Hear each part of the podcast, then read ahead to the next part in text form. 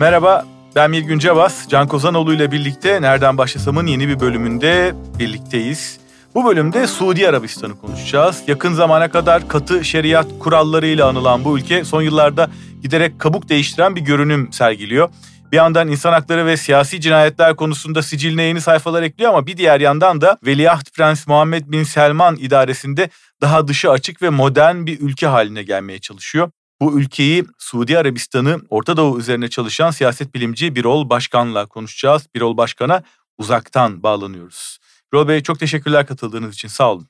Teşekkür ederim davetiniz için. Birol Bey'le konuşacağız çünkü biz de Suudi Arabistan'ı Türkiye'de son yıllarda eskisinden daha çok konuşuyoruz. Son aylarda hatta son haftalarda kaydı yaptığımız 2024 Ocak ayı itibariyle söylersek giderek daha fazla konuşmaya başladık. Şöyle bugünden önce çok kısa bir geçmişine de girersek çünkü daha önce başka bir bağlamda da bunu konuşmuştuk. Orta Doğu kelimesini gündelik hayatta çok kullanıyoruz. Hatta bazı insanlarımız maalesef mi diyelim hakaret olarak kullanıyor. Orta Doğulu musun vesaire filan diye ama Orta Doğu hakkında az şey biliyoruz. Daha önce bununla ilgili bölüm yapmıştık. Şimdi Suudi Arabistan'a odaklanarak gidelim nereden başlayalım desek Birol Bey sizin de yazılarınızdan, söyleşilerinizden filan hazırlanırken gördük ki siz çok daha gerilere gidebiliyorsunuz. Ama şu Vahabiliğin çıkışından ve Suudların atası e, diyebileceğimiz Muhammed bin Suud'un Muhammed İbn Abdülvahhab'la yani Vahabiliğin kuruculuğuyla tanışmasından başlarsak Suudi Arabistan'ı bugün için daha iyi anlarız diyorum.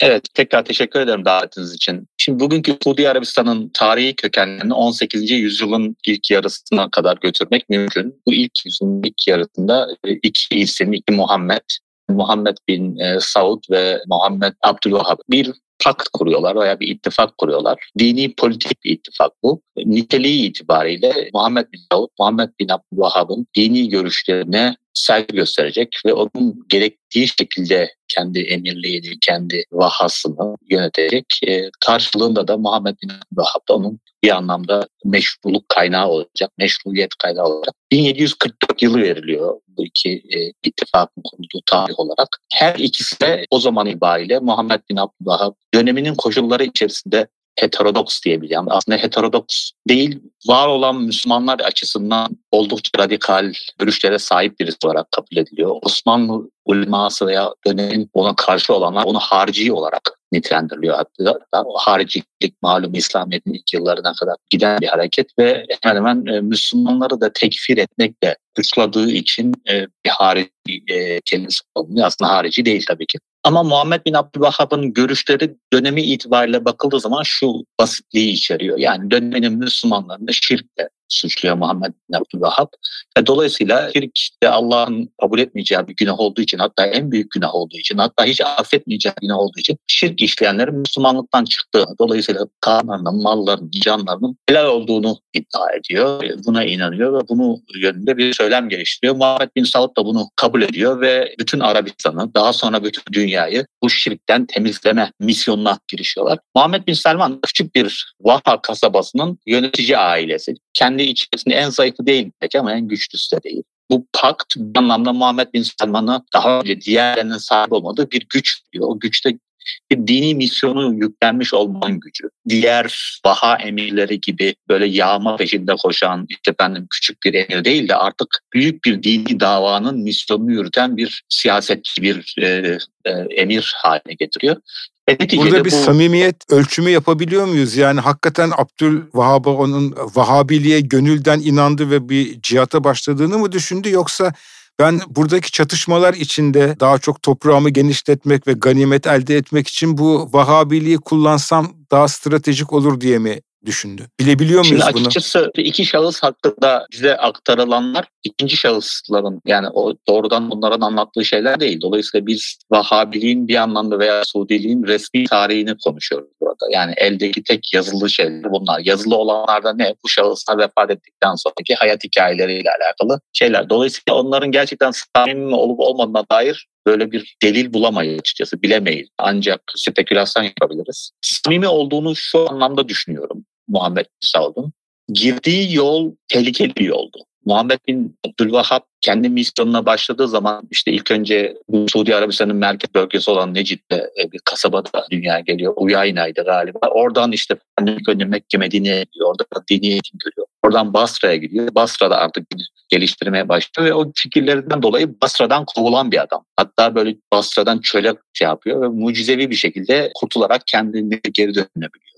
Necit de babasının kadı olduğu bir Vaha kentine geliyor. Orada yine görüşlerinden dolayı kentten kovuluyor. Başka bir yer ona kucak açıyor. Oradan da kovuluyor. Hatta öldürülmeye çalışılıyor. Yani işte bir din adamı düşünün. Yaşadığı dönemdeki bütün Müslümanları bir anlamda şirkle suçlayan bir din adamı. Dolayısıyla böyle bir iddiada bulunan herkes açısından tehlikeli bir durum. Muhammed bin Saud bir anlamda kumar oynuyor aslında. Ve o kumar tutuyor ama tutmayabilir de. Çünkü karşısında çok daha güçlü rakipleri var. Şöyle diyeyim yani Diriye bugün Riyad'ın içerisinde kalan bir vaha. Yani ikisi arasında 15-20 kilometrelik bir mesafe var. Sırf Riyad'daki rakibini elimine etmesi 20 yılı sürüyor. Yani bunlar sürekli bir savaş içerisindeler. Böyle Vahabilik bir anda geldi, herkes tarafından kabul edilmedi. O dönem Vahabilikten rahatsız olanlar Osmanlı İmparatorluğundan yardım istedi. Osmanlı işte efendim Irak'taki o dönemki Bağdat'taki valisini işte efendim buraya sefer düzenlemesi için emir verdi. Daha sonra o başaramadı. Mısır valisi dönemin Mehmet Paşa'dan bunu istedi. Dolayısıyla böyle girdikleri rol böyle güllük gülistanlık değildi. Bu Taksim'de yürümek gibi bir şey değildi açıkçası. Dolayısıyla belli bir samimiyetin olması gerektiğine inanıyorum. Yani potansiyeli gördüyse nasıl gördü? Ve orada inanılmaz bir basiretli olmak gerekiyor. Yani bu benim işime yarar değil. Ama girdikleri yolun çok tehlikeli yol olduğunu göz önüne alırsak biraz samimiyet affetmemiz icap ediyor diye düşünüyorum. Peki sonra o yolda bizi bugüne ulaştıracak çok önemli, mutlaka söylenmesi gereken kavşaklar nedir? Şimdi tabii siz bana müsaade ederseniz sırf bu 45 dakikamızı bu ilk dönem Vahabilik devletiyle O yüzden çok önemli kavşaklar diyerek işaret koydum anlatacaklarınızı. Şimdi Muhammed bu ikili bu ittifakı yaptıktan yaklaşık 40-60 yıl sonra Suudi devleti, ilk Suudi Vahabi devleti hemen hemen bütün Arap Yarımadası'nın Yemen ve Umman'ın sahilleri hariç hemen bütün Yarımada'yı ele geçirdi. Irak'ta ve işte efendim Suriye'de Osmanlı varlığı tehdit edecek boyuta getirdi. Ve bu aynı zamanda İngiltere'yi de rahatsız etmeye başladı İngiltere'nin özellikle Körfez'deki Basra Körfezi'ndeki deniz ticaretine olan tehdit. Bu iki imparatorluk bir araya geldi bir anlamda. İngiltere e, denizden e, Osmanlı İmparatorluğu da Muhammed Ali Paşa veya Mehmet Ali Paşa'yı harekete geçirerek ilk Suudi devleti yıktı. Hatta onunla alakalı da şey vardı. İşte bazen Twitter'da da şey çıkıyor. Bunların dedelerine astık diye şeyler çıkıyor. Aslında tam olarak doğru değil. Doğru şu anlamda doğru. E, son birinci Vahabi Suudi devletin son imamı Abdullah İstanbul'a getiriliyor gerçekten de. Yakalanıyor. Necit'te İstanbul'a getiriliyor. Mehmet Ali Paşa tarafından gönderiliyor. Ve dönemin sultanı 2. Mahmut tarafından öldürülüyor. Yani kellesi kesiliyor bedeninin de Marmara Denizi'ne atıldığı iddia ediliyor. Ama şu andakilerin dedesi değil, akrabası, kuzenin ki e, şu andaki aileyi yönetenler Abdullah'ın değil de kendi kuzenlerinin devamı. Dolayısıyla tam olarak dede sayılmıyor ama aile, aynı aileden. E, Suud Vahabi devlet yıkılıyor. Yıkıldıktan yaklaşık olarak bir 7-8 yıl sonra ailenin başka bir ferdi tarafından adı Türkiye ve Faysal ikisinden birisi tekrar canlandırılıyor. İşte o şu andaki dedesi. Ama bu ikinci Suud Vahabi devleti birinci kadar başarılı olamıyor. Hatta ilk çekişmelerle boğuşuyor. Aile içi çekişmelerden dolayı çok böyle büyük Necip çıkamıyor hatta. O da yıkılıyor netekim Raşidiler tarafından ve en son 20. yüzyılın başında ikinci Saud Devleti'ni kuranın e, torunu veya işte ben de Muhammed bin Saud'un artık kaç nesil sonrası torunu Abdülaziz bin Abdülrahman El Suud tarafından e, Riyad ele geçiriliyor. Kahramanca gerçekten de. Ve 3.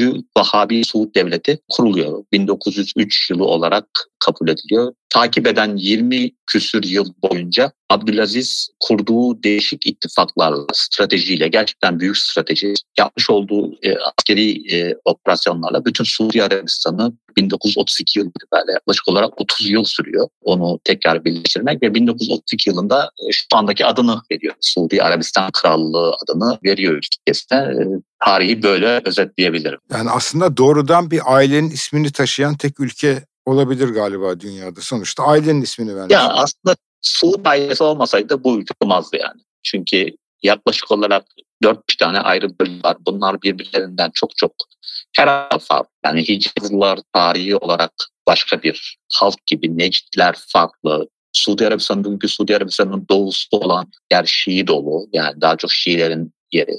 Ve Yemen'e yakın bölümde biraz da Yemenlilerin hakim olduğu bir yer. Dolayısıyla aslında ülke gerçekten de e, normal şartlar altında bir yere getirilemeyecek. Bir de bunun böyle 2 milyon kilometre karelik bir alan burası. Çöllerle yani hep ben vaha diyorum dikkatinizi çekerseniz. Böyle bu vahalar vahaların olduğu yerlerde yerleşebiliyorlar ancak. Bunun arasında sadece bedeviler yaşayabiliyor. Dolayısıyla böyle politik merkezleşmenin çok zor olduğu bir coğrafya. E, tarih boyunca böyle olmuş. Ve e, Abdülaziz'in ve daha önce dedesinin, dedelerinin yaptığı veya akrabalarının yaptığı gerçekten belki bir tek İslam'ın ilk döneminde olmuş bir şey. Politik merkezileşmenin zor olduğu bir coğrafya. Ondan dolayı ülkeye Suud ailesinin adı verilmesi... Hak etmişler Suud, diyorsunuz. Suud olmasaydı, Abdülaziz olmasaydı gerçekten bu krallık olmazdı. 4-5 tane ayrı ülke olurdu orası. Gerek halkların kültürleri, birbirlerine olan yaklaşımlarından dolayı böyle bir diyor aslında Abdülaziz'in kendi siyasi dehasının ve tabii kararlılığının inanılmaz kararlı bir adam. Ama bugün baktığımız zaman bu farklılıkların pek bir sonuç doğurmayacak seviyeye indirgendiği bir otoritenin hakim olduğu söylenebilir kolaylıkla öyle değil mi? Tabii e, Riyad merkezi güçlü bir askeri yapı var tabii ki. O askeri yapıyla o şeyle hemen hemen bütün bölgeleri e, elinin altında tutar. Ama tek bir millet olma açısından hala Hicazlılık, hala işte bendim Necitlilik, hala Doğu bölgesindeki mesela Şii halk mesela hiçbir şekilde şey hissetmiyor yani o Sünnilerle bağ hissetmiyor. E, hatta çok ciddi bir düşmanlık var. Kendilerine Bahrani diyenler var. Başka bir ülke olarak şey yapıyorlar. Dolayısıyla Suudi Arabistan'ın askeri gücünün zayıfladığı hemen her ortamda orada sıkıntı olur. Yani dolayısıyla yaratılmış bir Suudi şey yok vatandaş. Muhammed Bin Selman o belki yapmaya çalışıyor. Yapması gerekti. Belki kendi dedesi Abdülaziz'in çok umursamadığı bir şeydi. Çünkü dedesi tam bir kabile şeyhiydi. Yani insanlara böyle daha doğrusu diğer kabile şeyhlerinin e, saatini satın alarak ülke kurdu. E, daha sonra petrol geldi imdatlarına. Petrolle işte efendim bir anlamda sadakat e, satın alındı. Çok ciddi bir Vahabi endoktrinasyonu var. Hicaz hiçbir şekilde Vahabi değil e, hiçbir zaman. Zaten Doğu Şii'ydi.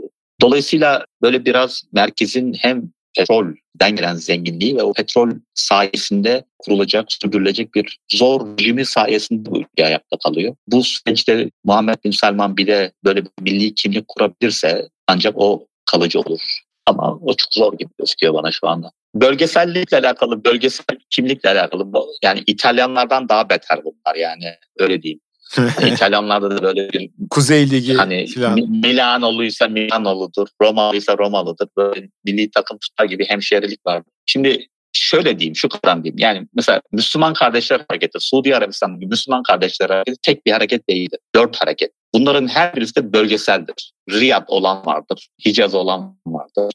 Irak'ın Zübeyir kasabasından gelen Suudların kurmuş olduğu bir yani bir hareket içinde bile dörde ayrılabiliyor kimliklerden dolayı. Halen daha güçlü yerel kimliklerin olduğu bir ülke. Şimdi şöyle bir toparlama için sanıldığının aksine bütün Suudi Arabistan Sünni değil, Şii nüfus da var ve bütün Sünniler de Vahabi değil diye toparlayabilir miyiz? Tabii. tabii. Yani Hicaz'da halen daha normal Sünniliğin devam ettiğini söyleyebiliriz. Ama tabii Mekke, Medine'de inanılmaz bir endoktrinasyon olduğu da söylemeliyiz. Ama ne kadarı bu halkın kendi dini anlayışını şekillendiriyor onu bilemem. Bir şeyin daha kısaca sorusunu sorup cevabını alalım. Gene bu özellikle sosyal medyada giderek yaygınlaşan işte belli ifadelerden biri bütün Orta Doğu'yu Bedevi zannedenler var. Bütün Arapları Bedevi zannedenler var. Artık onları geçelim. Bütün Suudi Arabistan'ı Bedevi zannedenler var. Aslında öyle de olmadığını değil mi? Bedeviler ayrı bir grup. Daha doğrusu ayrı bir yaşam evet. tarzı mı diyelim?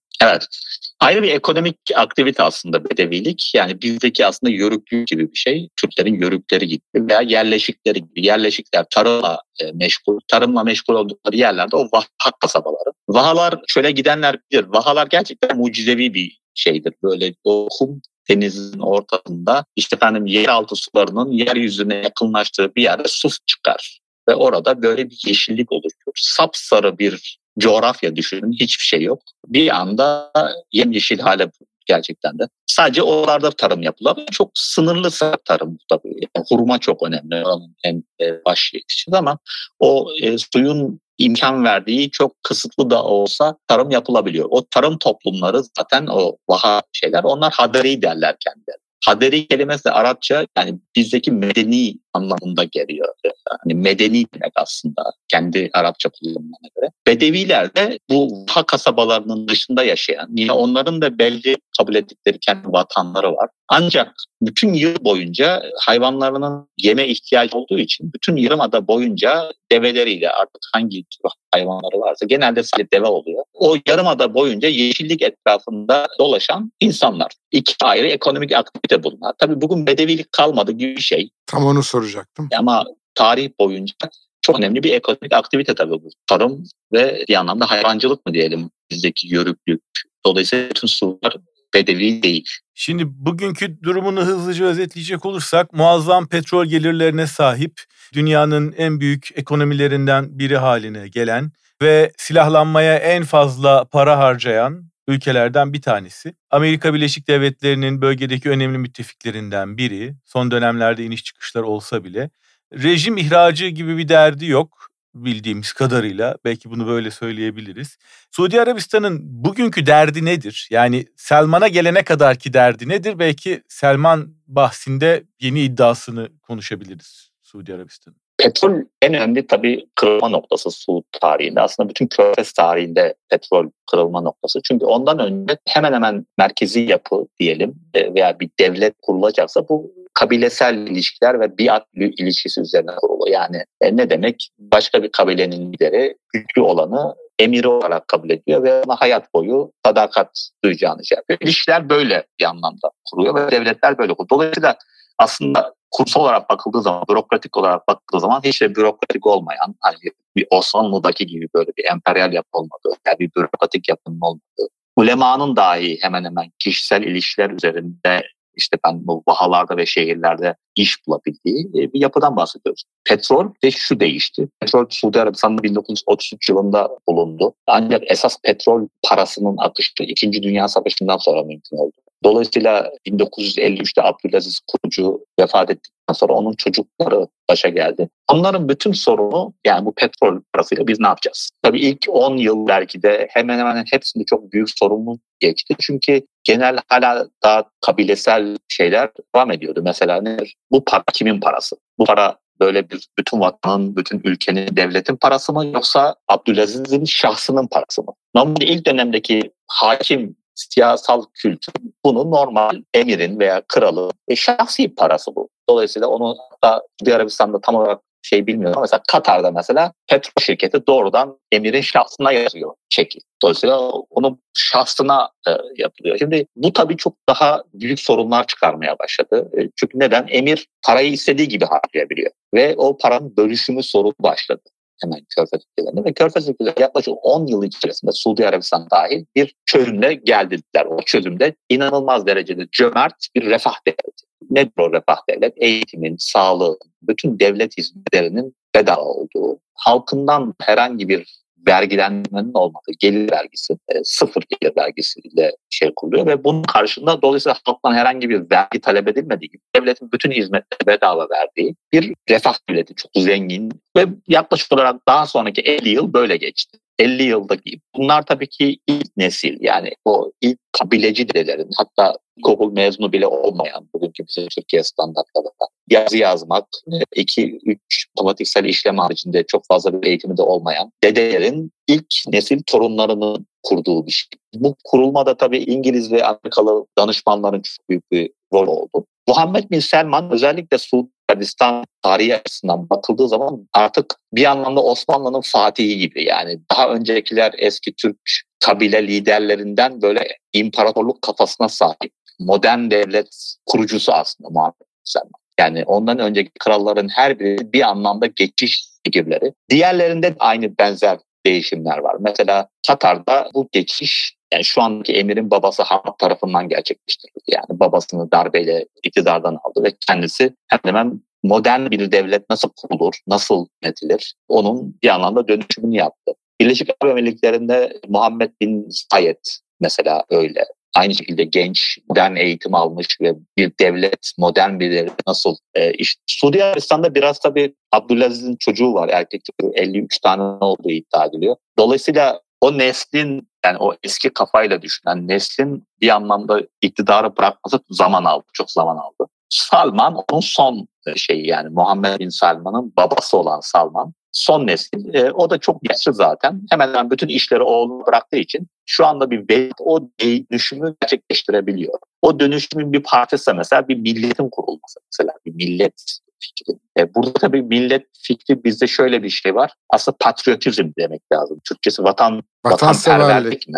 Vatanseverlik evet yani şey demeyelim mi? Millet çünkü şöyle bir şey var. Araplarda tabii herkes Arap olduğu için ki millet dendiği zaman bütün Arapları hani pan Arabizm kastediliyor olabilir. Dolayısıyla onlarda bir vataniye kavramı var. Tam olarak vatanperverlik aslında. Suud vatanperverliği, Katar vatanperverliği, Kuveyt vatanperverliği, Mısır vatanperverliği. Bu fikri e, şey yapmaya çalışıyorlar şu anda. Yani Muhammed Bin Selman'ın önündeki proje bu. Ki aslında şöyle bir şey şimdi Muhammed Bin Salman deyince işte açılım yapan dinin İslam'ın çok katı yorumunu göreceli olarak yumuşatmaya çalışan birisi ve işte konuşmaya devam edeceğimiz daha pek çok uygulaması olan biri. Fakat şöyle bir dönüm noktası ve belki yeni kuşakların çok da bilmediği bir olay var arada. 1979 yılındaki Kabe baskını. Yani benim okuduğum evet. çeşitli kaynaklar daha önce de çünkü bu konuda merak edip epey okumuştum. Şöyle bir şey. Yani Suudi Arabistan evet çok dinin katı yorumunun olduğu bir şey, şeriatın hakim olduğu bir yer ama bu Kabe baskınında çok radikal İslamcı gruplar 10 gün boyunca Kabe'yi ele geçirince Suudi yönetimi de bu durumdan korkuyu endişeleniyor ve radikallere daha fazla taviz vermek için giderek yorumu daha katılaştırıyor. Yani 1932'de Cumhuriyet'in kuruluşuyla 1979'daki Kabe baskını arasındaki dönem katı ama o kadar katı değil. 79'dan sonra Muhammed Bin Salman'a, Veliaht Prens olana gelene kadar arada Suudi devletinin en katı, en baskıcı ve en ağır İslami yorum üzerinden ülkeyi yöneten halini görüyoruz. Bunu biraz sizden dinlesek. Şöyle özetleyeyim Suudi Arabistan'ın son 100 yıllık dinli devlet ilişkisini. Abdülaziz yani bugünkü Suudi Arabistan Krallığı'nın kurucusu 1903 yılında Riyad'ı ele geçirip tekrar emirliğini ilan ettiği zaman ilk yaptığı işlerden birisi dönemin en ileri gelen Vahhabi ulemasından lideri Abdullah bin Abdüllatif'in kızıyla evleniyor. Tarfa ile evleniyor. İlk yaptığı iş bu. Şimdi bu dini sembolizm açısından inanılmaz güçlü bir sembol. Çünkü neden? 200 yıl önce dedesinin Muhammed bin Abdülvahhab'la Muhammed bin Saud'un kurmuş olduğu ittifaka göndermeydi. E, bir anlamda o sembolizm hemen hemen bütün deklarasyondan daha güçlü bir şekilde kendisinin Vahabi olduğunu ve Vahabi devletin dini olarak kabul edeceğinin göstergesiydi. Gerçekten de o dönem Necid bölgesindeki bütün Vahabi ulema Abdülaziz'e koştu bir anda. Ve onun adına inanılmaz dini propaganda yürüdü. Belki Muhammed bin Abdülvahhab, Muhammed bin Saud hakkında o kadar çok dini propaganda yapmamıştı. Böyle bir büyük bir şeydi. O gün itibariyle bir anlamda Vahabi ulema ile Suud ailesi arasında bir ittifak kuruldu. Yeni bir ittifak kuruldu. İttifakın özünde şu vardı. Vahabi ulema hemen hemen her türlü siyasi, dini sorunda Suud ailesini destekleyecek. Karşılığında da Suud ailesi onların geleneksel alanlarında hemen hemen otonomilerini tanımlayacak. Bu alanlar genelde eğitim ve yargıdır. Ve tabii ki camiler. Yani camiler kanalıyla Vahabi ulema halkın dini anlayışını ve şekillendirir. Aynı zamanda yargı kanalıyla İslami fıkıh uygular. Eğitim kanalıyla nesli ve kafaları şekillendirir. Ve tabii daha öncekilerin böyle formal bir kurum altında kurmadığı dini polis de kuruyor Abdülaziz. E, dini polisin yönetiminde İçişleri Bakanı'nın haricinde bir polis teşkilatıdır. Bu tamamen dönemin müftüsü, Vahabi müftüsünün emri altında olan bir polistir ve sokakta şey denetler. Giyim kuşamı, davranışları, ahlakı destekler. Yani sokakta insanlar dini ve şer'i hükümle uyumlu davranıyor mu, davranmıyor mu? Bunu denetlemek için kurulmuş. Benim zamanında bir öğrencim vardı Suudi. Kız benim ofisime geldi. Sadece gözlerini görebiliyorum ama. Yani tamamen kapalı. Sadece kapalı değil siyah bir de yani. Yüzü de kapalı. Sadece göz bölgesi açık. Hiçbir şey göremiyorum e, yüzüne dair. Oturdu falan böyle İngilizce de çok iyiydi gerçekten de. Çünkü babasından dolayı yurt dışında yaşamış İngilizcesi çok iyiydi. Bana şey dedi doktor dedi doktor diyorlardı biliyor musunuz ben Suudi Arabistan'da bu kıyafetle gezemem dedi bana. Ben dedim ya daha nasıl kapanabilirsin yani nasıl gezemezsin bu kıyafetle? Yani daha ne olabilir? Yani niye örtebilirsin? Şundan dolayı o çok ilginç bir şey yapardı böyle o simsiyah şeyin altında kırmızı mesela Nike yani mesela. O bazen ayağını uzattığı zaman belli olurdu mesela kırmızı Nike. Tabii ona dikkat etmedi. Ben dikkat ediyordum da omuzlarım belli oluyor bu giydiğimden derdi. Yani giydiğim öyle bir olmalı ki omuzlarım da belli olması lazım. Düz bir şekilde şöyle inmesi lazım falan diye. Tabii burada podcast olduğu için yaptığım şekli göremeyenler olabilir. Yani doğrudan kafanın üzerinden omuzun uçlarına inen bir kıyafetin olması lazım demişti bana. Bu yaşayan birisi söylüyor. E bunu nasıl sağlıyor? Bunu sokakta her yerde dini polisle sağlıyor. Bu dini polis genelde Suudi Arabistan'da ulemanın kontrol ettiği üniversitelerden mezun. İşte efendim Vahabi fıkhını e, öğrenmiş falan kelamını e, şey yapmış.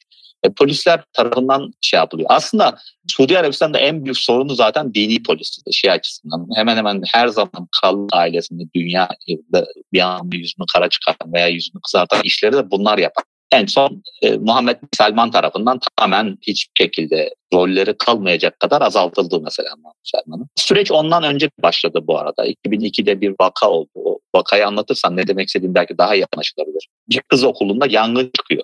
Kızlar içeride kalıyor. Yani kaçacak bunlar değil mi? O sırada dini polis olay yerine geliyor ve e, kapıların kapatılmasını istiyor. Yani ya içeride insanlar ölecek, kızlar ölecek vesaire nasıl kapatırsın? Çıkmaları lazım. Dini polisin şeyi şuydu bir anlamda açıklaması. Eğer şu anda çıkıyorlarsa bunlar panik haldedirler ve doğru dürüst şekilde kapanmamışlardır. Burada da bir sürü insan izliyor. E, dolayısıyla Herkes insanların binası olabilir. Kapıları kapalı tutuyorlar ve bu büyük bir fiyasko oluyor bütün dünyada. Öyle bir şey oluyor ki şuna getiriyor artık krallık ailesi şu kararı alıyor. Kız okullarının idaresi 2002 yılına kadar Eman'ın elinde. Yani bakanlığın değil, eğitim bakanlığının değil, doğrudan Grand Müftü'nün yani Grand Müftü bizdeki şeyhlikten baş müftü Osmanlı dönemindeki Şeyhülislam'a denk gelen bu vakit. Doğrudan baş müftünün emri altındaydı. Yani bütün atamaları o yapıyordu. O dönemde okumuş arkadaşlarım da vardı. E, Suudi arkadaşlarım da vardı kadın. Onlar şey diyordu yani dersler ev iş daha çok bir, iyi bir ev hanım nasıl olunur? Nakış işleri, temizlik işleri. Normal eğitim sanmayalım yani modern eğitim aslında ama ulemanın emri altında nasıl iyi bir ev hanımı olduğu, dini bilgilerinin atılması vesaire. 2002 yılına kadar. Bu sistem başından beri var. Yani şunu demek istiyorum aslında. 1979'dan sonraki bir değişim olursa o biraz abartılan bir değişim. Aslında daha öncesinde Suudi Arabistan'da ulemanın devlet üzerindeki etkisi tam. Özellikle yargı, eğitim, ondan sonra sokakta ahlakın korunması. 1979'dan sonra ne oldu? 1979'dan sonra olan şu, Suudi Arabistan o bahsetmiş olduğunuz isyandan dolayı çok büyük bir dini meşruiyetinde sorgulama hissetti. Dolayısıyla 1979'dan sonra o kendi dini kimliğini daha fazla sorgulamak oldu. Yani iyi kötü sinemalar var mesela sinemalar kapanıyor. Sonra Muhammed Bin Salman tekrar açacak filan gibi. Hani böyle gündelik hayatın ayrıntılarına kadar bir katılaşma oluyor ama benim de okuduğum genelde sizin söylediğiniz gibi aslında başından olan bir şeyin yani kemer 12. deliğine kadar sıkılıyken 13. deliğe getiriyor evet. yani. Bir de tabii e, şey var mesela 1990'da şöyle bir olay oluyor. 1990'da malum Saddam Kuveyt'i işgal ediyor ve Suudi Arabistan Kuveyt'ten çıkarılması için ve aynı zamanda Saddam bir delilik daha yapar krallığa saldırırsa savunsun diye Amerika'yı davet ediyor. Malum birinci Körfez Savaşı. E, yaklaşık olarak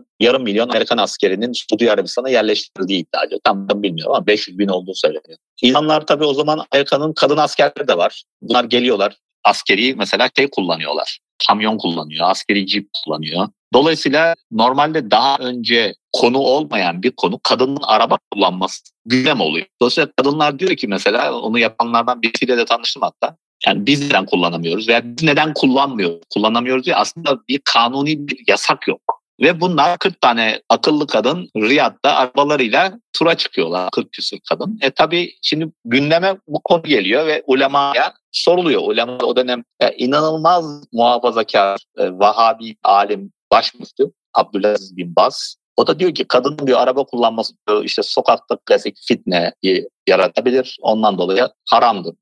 Mesela ondan önce böyle bir fetva yok. Çünkü ondan önce böyle bir sorun da yok sorun olmadığı için temaya böyle bir konu getirilmemiş. Şimdi 1991'de mi böyle bir yasak getiriyor. Şimdi buna baktığımız zaman aslında Suudi Arabistan dini tarihine Suudi Arabistan dindarlığı artırdığı bir şey. Ama ondan önce de zaten muhtemelen Bedevi kadınlarının çölde kullandığı arabalar haricinde araba kullanan yok zaten Suudi Arabistan'da. Dolayısıyla ben o 1978-9'daki olayı küçümsemiyorum. Çok önemli bir olaydı. Suudi ailesi derinden sarstı. Vahabi ulemayı derinden sarstı olay. Ama o olay daha çok ya bakın biz bu kadar dindarız gösterileri yapmasına sebep oldu rejim. Yoksa Suudi rejiminden dünyanın en dini rejimiydi zaten yani. Bugün de öyle. Yani Muhammed Bin Salman'ın öncesine bakarsak bütün indekslere baktığımız zaman Suudi Arabistan en yakın rakibine fark atıyor. Yani buna İran'da dahil. Belki bir Vatikan'la yarışıyor yani. Muhammed Bin Selman'a yani bugünkü veliaht prens olan ve başbakan olan Selman'a geldiğimiz zaman az önce dediğiniz gibi patriotizm yani bir vatanseverlik ve bir kimlik oluşturmak hedefinde. Bunun için de çeşitli araçları kullanıyor. Yani işte sporu kullanıyor, kültürel faaliyetleri kullanıyor, büyük teknolojik hedefleri kullanıyor, büyük yatırım kentleşme hedeflerini kullanıyor. Tam amacı ne? Yani bu kimliği de oluşturarak aslında ulaşmak istediği yer nedir? Ya, tabii ki şimdi Körfez ülkelerinin politik ekonomisi değil. Bir anlamda şey sorunludur. Yani bir o devasa petrol gelirlerinin paylaşımı sorundur. Tüm bu sorunun altında rejimlerin hayatta kalması vardır yani buradaki yönetici ailelere bir numaralı sorunun hayatta kalmaktır. Bu hayatta kalmak iki türlü şey olabilir. Yani iki sorunla baş etmek zorundadır. Bu iki sorundan birisi halkın ne istediğini tahmin edebilmek ve ona isyan etmeyecek, sokaklara çıkmayacak, protestolara katılmayacak kadar bir şeyler vermektir bu şeyin bir tarafı. Ve bu bir anda olan bir şey değil. Bu sürekli e, bir anlamda o yönetim sözleşmesi. O sözleşme yani rejimle halk arasında bir sözleşme var. Bu sözleşmenin sürekli update edilmesi gerekiyor bir anlamda. Ve onu da tabii bu adamlar artık yani hayatlarındaki tek kaygılı biz nasıl ayakta kalırız oldukları için sürekli bir numaralı gündemleri bu, bu adamlar. Yani bizim gibi dışarıdan bakmıyorlar. Doğrudan olayın içindeler. Dolayısıyla Muhammed Bin Selman'ın getirmiş olduğu reformlar, yapmış olduğu reformlarda bir o yön var. Bu yönün bir noktası da o devlet hizmetlerini sürekli update ederek daha iyi hale getirmek. Ve dolayısıyla halkı da bir anlamda mutlu tutmak.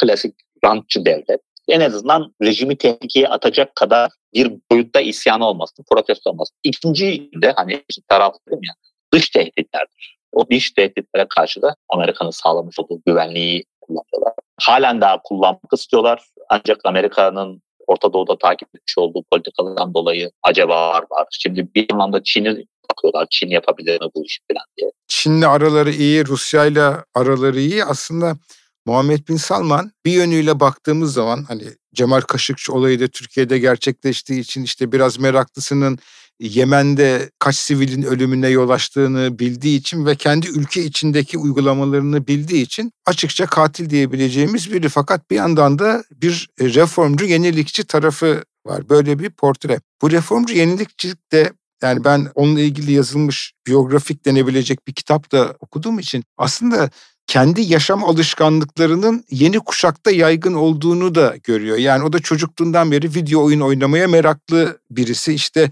aile klasik Arap yemekleri yerken McDonald's'tan beslenmeyi seven birisi ve çok nüfusu genç olan bir ülkede aslında onlara seslenecek oyun dünyasına işte batı tarzı daha fast food'a şuna buna bir yönetimin yaşamasının şansının daha fazla olduğunu mu düşünüyor? Yani dertleri iktidarda kalmak dediniz ya iktidarda kalmanın yolunu genç nüfusa seslenmekte mi görüyor? Bu reformların temelinde biraz da o mu var? Bence kesinlikle öyle ama tabii bu bizim dışarıdan okumamız olur. Yani Muhammed Bin Selman herhangi bir şey yazıp çizmediği için onun neden yaptığını analiz edemiyoruz. Biz ancak onun içinde bulunmuş olduğu durumu anlamaya çalışarak manalandırabiliriz yaptıklarını ve kaç yıldır çok ağır bir dini endoktrinasyon ve dini yönetim altında büyüyen ve yaşayan bir toplum bu. Ve o toplum bir noktadan sonra herhalde boğulduğunu hissediyor. Yani dediğim gibi bu konuda anketlere falan güvenemiyoruz. Yani öyle kaplı toplumlarda insan doğru şey söylemez. Karşı tarafın ne duymak istediğini söyler. Şimdi bu Kur'an'ın bir kavramı vardır. E, preference falsification dedikleri şey. Yani kendi gerçek tercihlerin değil de o tercihleri yanlış aksararak şey yaparlar. Dolayısıyla bize güvenilir şey vermez. Ben kendimi yerinde koyuyorum ve bunu Suudi Arabistan'da yaşamış olan bazı Türkler tanıdım. Onların şeyleri. Yani açık söyleyeyim yani mesela Suudi Arabistan'da 8-9 yıl yaşayan bir Türk kadının psikoloji sorunları vardır yani. Burayı kesebilirsiniz bu arada eğer sorun Yok, olacak. asla. Tam tersine burayı öne çıkaralım.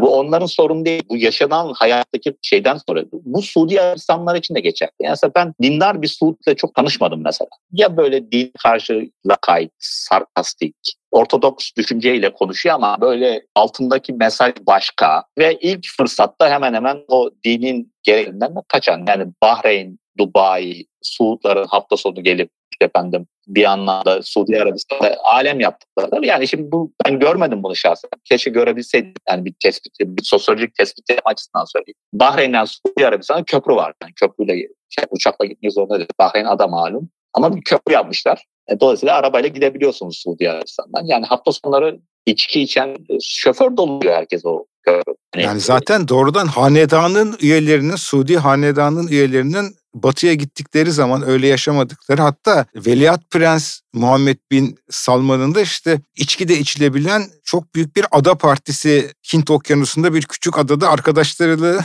e, hafta sonu geçirmek üzere bir ada tuttu. Orada magazin diliyle içkinin su gibi aktığı ama sonra dışarıdan fotoğraflanınca partinin yarım kesilip ülkeye dönüldü. Yani biraz da hanedanın şöyle bakışı olabilir. Ya biz böyle yaşamıyoruz ki insanlara bunu lanse ediyoruz olabilir mi? Yani e, dediğim gibi bunlar tamamen spekülasyon olacak evet, bizim elbette. açısından ama yani gayet makul spekülasyon olur. Yani gayet mümkün. Dolayısıyla dini bir böyle baskı altında yaşamış halkın efendim böyle yaşam alanlarının birazcık rahatlatılması, birazcık liberalleştirilmesi, bir sinema gibi, bir işte efendim alışveriş merkezleri gibi, böyle işte efendim konserler gibi şeylerle en azından o gazı alması veya işte efendim bir popülerite tesis etmesi ki Muhammed Bin Selman çok popüler bir insan şey Arabistan gençler arasında. En azından eğer samimilerse benim şey yapabildiğim kadarıyla dediğim gibi böyle güvenebileceğimiz bir anket tirketi yok tabii ki ama ben şaşırmam yani çok popülerse. Yani bir gazeteciyi kıtır kıtır kesmiş olması onlar için çok böyle çok sorun değil yani. Çünkü Ronaldo yani Cemal Kaşıkçı'yı öldürttü ama Ronaldo ile Neymar'ı Ronaldo'yu getirdi. Ve getirdi. Mane'yi yani getirdi. Konserler getirdi. Yani açıkçası söyleyeyim yani Suud ailesi başka türlü böyle bir demir yumruk olmayan bir adam veya işte efendim böyle gerçekten korkulan deli gibi bir adam olmadan yani oradaki rejime entegre güç odaklarını korkutup sindirmek başka türlü mümkün değil yani. Bu tür değişiklikleri de bu tür reformları da biraz eline kan bulamayan sorunu olmayan tipler yapıyor. Şimdi mesela 2. Mahmut'la 3. Selim karşılaştırıldığı zaman yani 3. Selim 2. Mahmut gibi böyle Yeniçeri teşkilatını tamamla kaldırabilseydi değil mi? belki sonu farklı olabilirdi 3. Selim'in. Bir anlamda bu tür tipler reformist ama aynı zamanda eli kanlı oluyor yani yapacak bir şey yok. Yani o zaman son soru olarak sizin perspektifinizden sanki Muhammed Bin Salman'ın bu reform sürecini alaşağı edilmeden sürdürme şansını yüksekçe gördüğünüzü çıkarıyorum doğru mu? Şimdi tabii geleceğe ait bir tahmin var ama benim tahminim bunu sürdürebileceği şu anda hemen hemen Veliaht Prens'ken 3-4 yılda yaptıkları hemen hemen bütün güç odaklarını sindirmek oldu. Yani Suud tarihinde olmayan o bütün o prensleri işte efendim bir otelde toplayıp ondan sonra onların mallarına, mülklerine el koymakla tehdit edip Burada tabii aynı zamanda devletin de yanında olduğunun göstergesi. Çünkü onu uygulayacak polis lazım. Ondan korkmayacak asker lazım. Karşısında prens var adam. Değil mi? Daha önce ülkeyi yağmalamış tip işte efendim böyle biraz da halka verin bu parayı demiş olması çok muhtemel. Oradaki korkuyu şeyden görebiliyor oradaki prenslerin. Bu çok meşhur bir tane şey var ya zengin bir Suud prensi var. Batı'da da çok şeyi olan, yatırımları olan. Evet, evet. Çok zengin yani mesela o adam otelde tutuklananlardan birisi o adam tutuklandıktan sonra onunla bir röportaj var. Eğer onu bulabilirseniz izleyin İngilizce'de yani gözlerinden korku akıyor. Yani orada nasıl bir artık tehdit edildiyse neredeyse titriyor adam ve işte efendim e, Veliaht Prens çok iyi işler yapmaya çalışıyor. Hepimiz destek olmalıyız gibi böyle inanılmaz korku dolu, dehşet dolu bir açıklama yapıyor. Şimdi Cemal Kaşıkçı da bence öyle. O bir tehdit, o bir gösteri, o bir yol. Yani eğer karşı çıkarsa e, Muhammed Bin Selman'ın nerelere gideceğinin göstergesi, nerelere gidebileceğinin göstergesi. Ve bu tehditler etkili oluyor. Tabii bu tür saray politikasında her zaman tespit etmek zordur. Yani birisi çıkar gider suikast yapar değil mi? Yani darbe yapabilir. Yani benim gördüğüm kadarıyla Muhammed Bin Selman hemen hemen bütün dizginleri toplamış. O zaman?